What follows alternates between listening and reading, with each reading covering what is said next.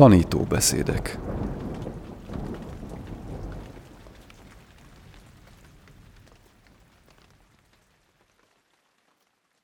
කරමීය මත්ත කුසලේන යන්තං සම්තං ප්‍රදං අභිසමෙච්ච A magasztos tökéletesen kifejtette a dammát. Ajakém a tanító beszéde. Fordította Ráckis Andrea. Elmondja Horváth M. Zsófia.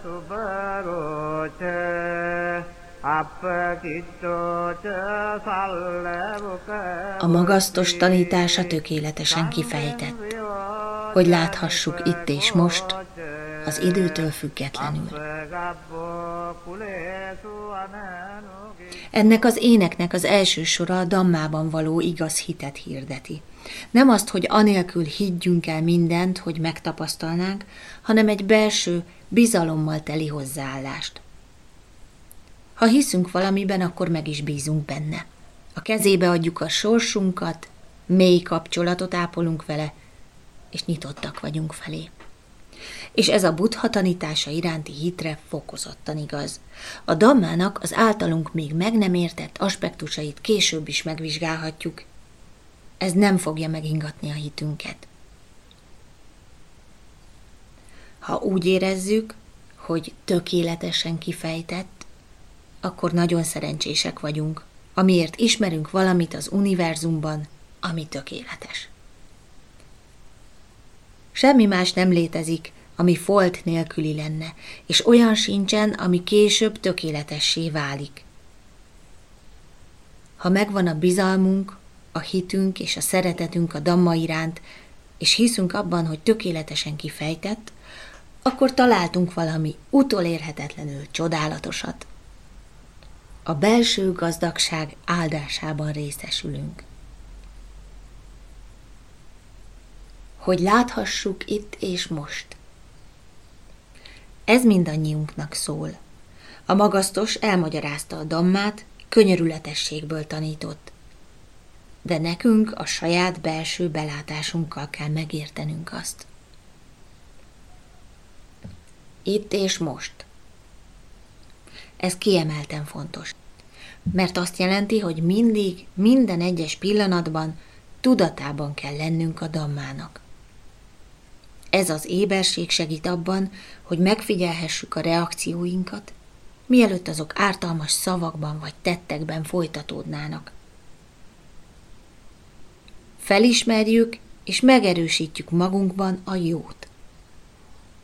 Felismerjük és helyettesítjük magunkban a negatívumokat. Ha minden gondolatunkat valódinak hisszük, és létjogosultságot adunk nekik, nem látjuk a dammát.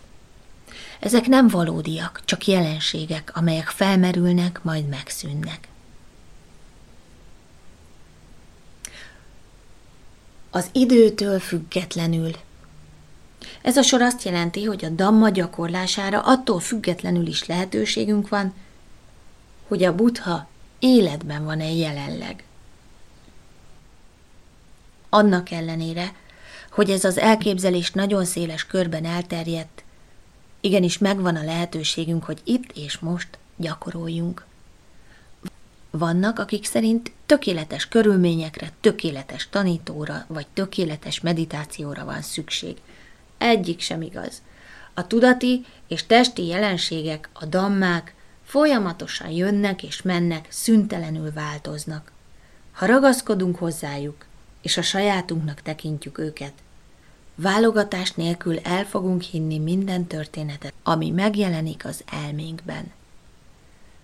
Testből, érzésekből, érzékelésből, tudati alakzatokból és tudatosságból állunk amelyekhez minden erőnkkel ragaszkodunk, és azt gondoljuk, hogy ez az én, és az enyém. Hátrébb kell lépnünk, és semlegesen kell szemlélnünk a teljes folyamatot.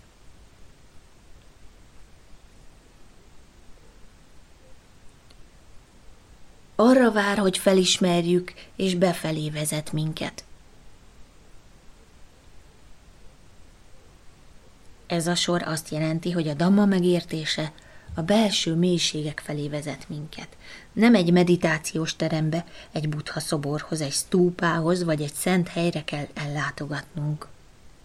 A bennünk felmerülő jelenségeket, a dammákat kell megismernünk.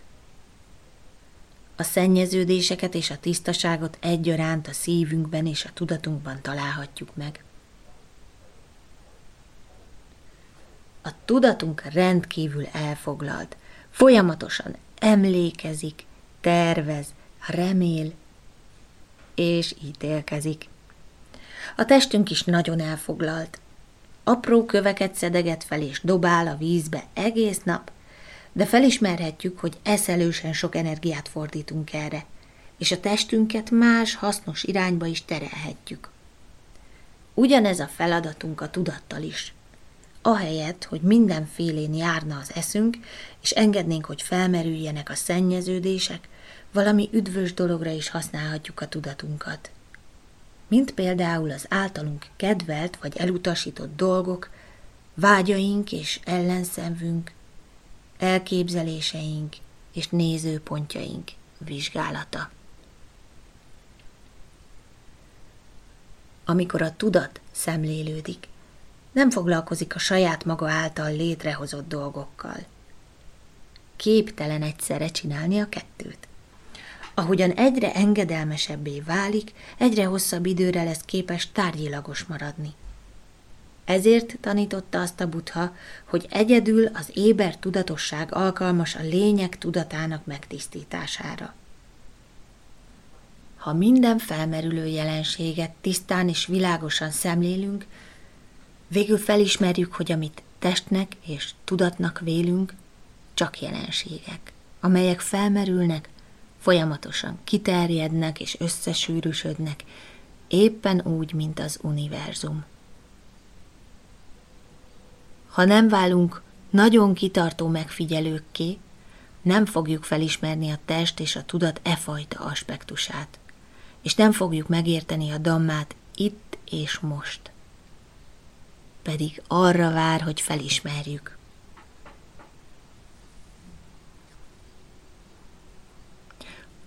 Hogy megismerjék a bölcsek, mindenki saját maga számára.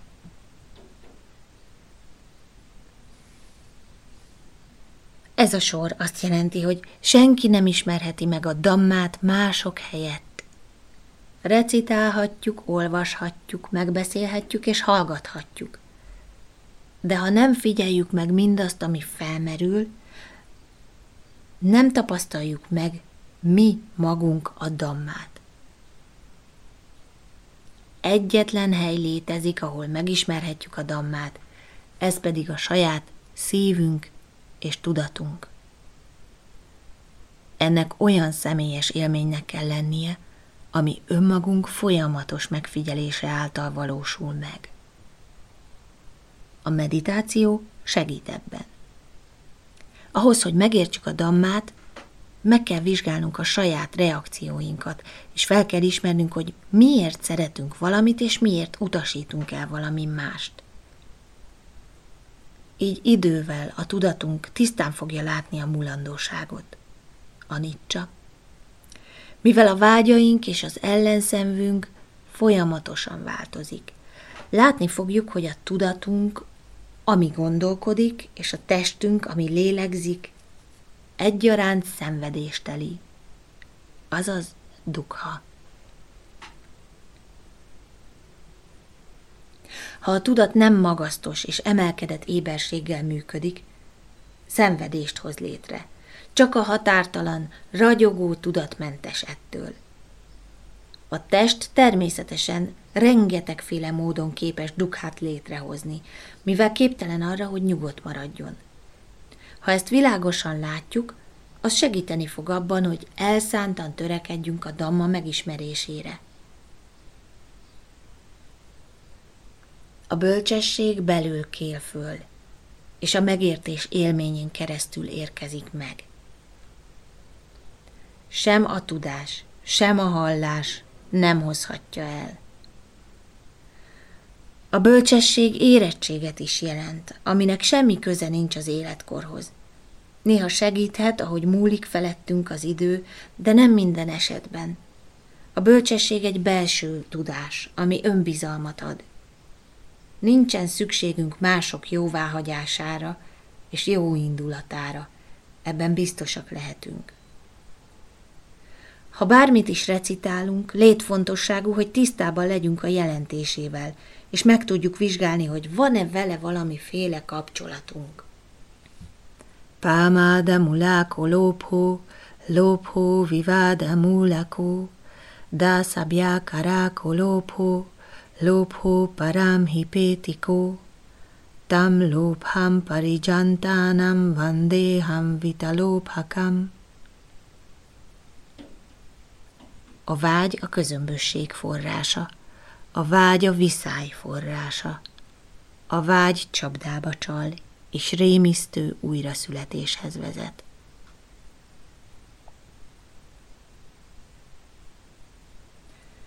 Vihanya múlakó dószó, dószó virúpakárakó, vinyászakárakó dószó, dószó parámhinérájó, tam dószam parijantánam vandéham vitadószakam. A harag a zavarodottság forrása, a csúfság oka, a harag rombol és pokoli újraszületéshez vezet. A magasztos megismerte a harag megszűnését, tisztelem őt, aki mentes a haragtól.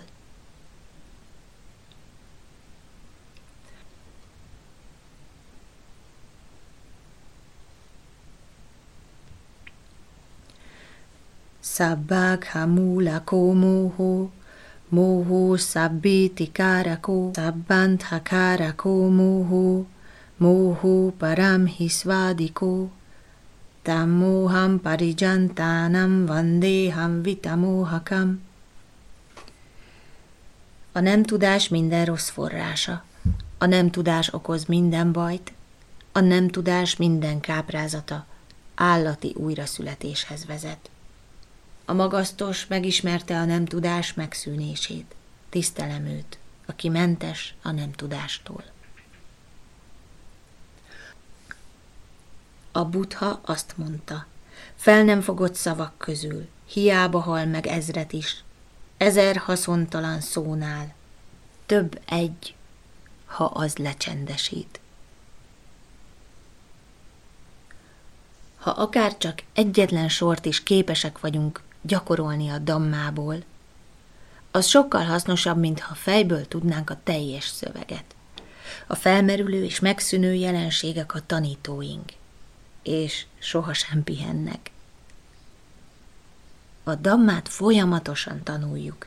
Minden ébren töltött pillanatunk a damma tanítónk lesz, ha azzá tesszük őket. A damma az igazság, amit a megvilágosodott fejtett ki, ami a minket körülvevő világ természetének törvénye, és mindannyiunkban megtalálható. Egyszer a butha azt mondta, Ánanda, azáltal, hogy jó barátjukként támaszkodnak rám, a születésnek kitett érző lények megszabadulnak a születéstől.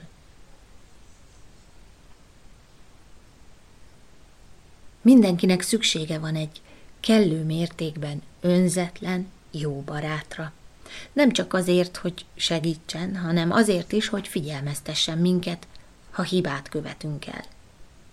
A damma ösvényén járni olyan, mintha egy kifeszített kötélen sétálnánk. Egyenesen kell haladnunk, és valahányszor hibázunk, megsérülünk. Ha fájdalmas érzéseink vannak, leestünk a damma köteléről. Ilyenkor a jó barátunk, Kaljána Mitta, azt mondhatja. Túl nagyot léptél jobbra vagy balra, legyen szó bármiről. Nem figyeltél, ezért estél depresszióba, és ezért vannak fájdalmaid. Figyelmeztetni foglak, amikor legközelebb hibázol. Csak olyas valakitől tudjuk ezt elfogadni, akiben teljesen megbízunk. Szép szavakkal és ragyogó megjelenéssel könnyű megtéveszteni az embereket. Az emberek jelleme nem annyira a szavakban mutatkozik meg, mint inkább az apró mindennapi tetteikben.